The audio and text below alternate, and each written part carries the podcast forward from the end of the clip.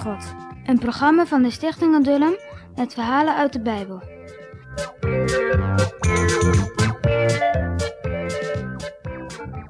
Mozes wilde, zo gauw hij maar kon, weg uit het land van de farao. Eindelijk kwam hij in het land Midian. Bij een waterput rustte hij wat uit. Bij die put stonden lange waterbakken. Die moesten worden volgeschept met water uit de put. Dan konden de schapen die daar kwamen drinken. Na een poosje kwamen er een heleboel schapen aan. Er waren herderinnen bij, zeven meisjes, die ook zeven zusjes waren. Ze hielpen elkaar de bakken vol te scheppen om de schapen te laten drinken. Maar toen de schapen wilden gaan drinken, kwamen de andere schapen aan met hun herders. Die mannen begonnen te schreeuwen en joegen de schapen van de meisjes weg. Ze wilden hun schapen het water dat de meisjes geschept hadden laten opdrinken. Dat was natuurlijk heel onrechtvaardig, maar ze deden dat wel meer. De meisjes, die waren immers het eerst. En dat is heel gemeen van deze schaapherders. En Mozes zag het. Hij werd heel boos. Hij joeg de herders weg en ze durfden niets te doen. Zo bang waren ze voor hem.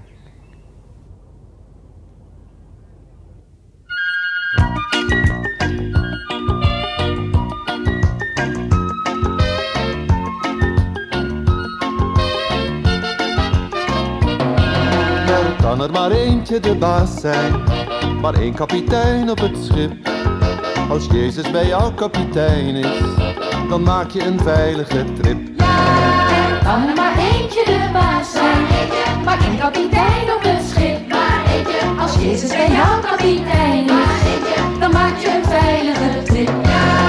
Kan er maar eentje de baas zijn, maar één conducteur op de tram. Als Jezus bij jou conducteur vertrouw dan maar rustig op hem. Er kan er maar eentje de baas zijn, maar één conducteur op de tram. Als Jezus bij jou conducteur is, vertrouw dan maar rustig op hem.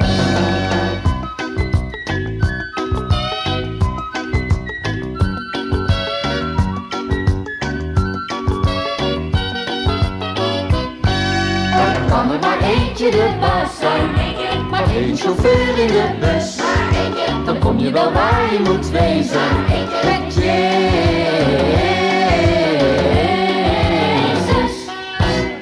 Toen de schapen gedronken hadden, gingen de meisjes naar huis. Toen ze thuis kwamen bij hun vader Jethro, want zo heette die, zei hij, wat zijn jullie vroeg? De meisjes vertelden wat er gebeurd was. Ga die man nog gauw roepen, zei Jethro. Zo kwam Mozes in het huis van Jethro. Nu had hij weer een huis om te slapen en ook eten en drinken. Mozes vertelde aan Jethro waarom hij was gevlucht. Je zei het eerlijk. Je kunt hier blijven hoor, als je dat wilt, zei Jethro vriendelijk. Ja, dat wil ik wel. Ik kan toch niet meer terug, zei Mozes. Maar ik wilde wel voorwerken. Goed, zei Jethro. Dan kun jij wel op mijn schapen gaan passen. En zo werd prins Mozes een schaapherder. Mozes vond ook een van die zeven meisjes erg aardig. Dat was Sippora. Hij mocht met haar trouwen en ze kregen ook kinderen. Twee jongetjes. Nu had Mozes in dat vreemde land een huis, een vrouw en kinderen. Mozes werkte wel dat de Heer hem niet vergeten had. Heel veel jaren is Mozes in Midian gebleven. In het begin was het best moeilijk voor hem om een schaapherder te zijn. En ook werd hij nog altijd gauw boos. Hij was nu eenmaal erg driftig. En ook liep er wel eens een schaapje weg. Soms zag hij er twee met elkaar vechten, net als in Egypte die twee Israëlieten. Maar het hielp niet of hij dan boos werd.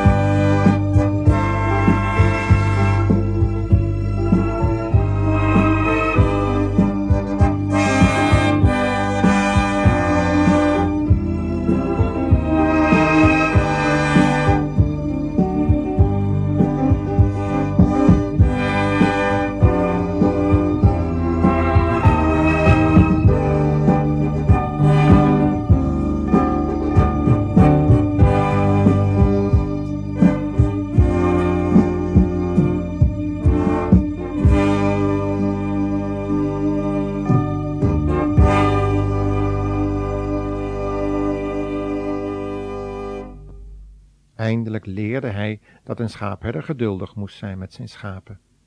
Toen was Mozes niet zo gauw meer boos. De Heere was bezig hem te veranderen, zodat hij geschikt zou worden voor een mooie, grote taak. Hij dacht dat hij wel altijd in Midian zou moeten blijven, maar, maar toch dacht hij ook veel aan zijn arme volk in Egypte. Maar de Heere wilde helemaal niet dat hij schaapherder zou blijven in Midian. Daarom kwam de Heer op een dag Mozes opzoeken, om te zeggen wat hij moest gaan doen. Op die dag was Mozes weer eens ver van huis. De schaapjes graatsten dicht bij een hoge berg. Opeens zag Mozes vlammen bij de berg. Er stond een doornstruik in brand. Maar vreemd, die brandende struik bleef toch groen. Geen takje, geen blaadje verbrandde. Hoe kan dat? dacht Mozes. Hij ging erheen, maar toen hij dichterbij kwam, was er een stem die zijn naam noemde. Het was de Heere die hem riep.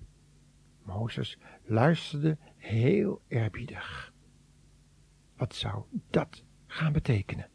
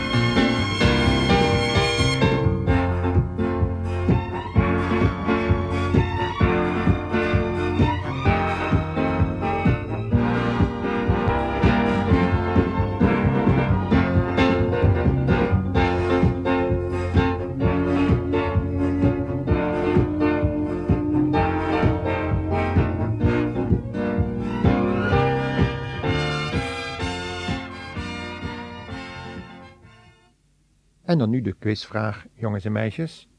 Luisteren jullie weer goed? Hoe kwam Mozes van zijn drift af? Dus nog een keer. Hoe kwam Mozes van zijn drift af?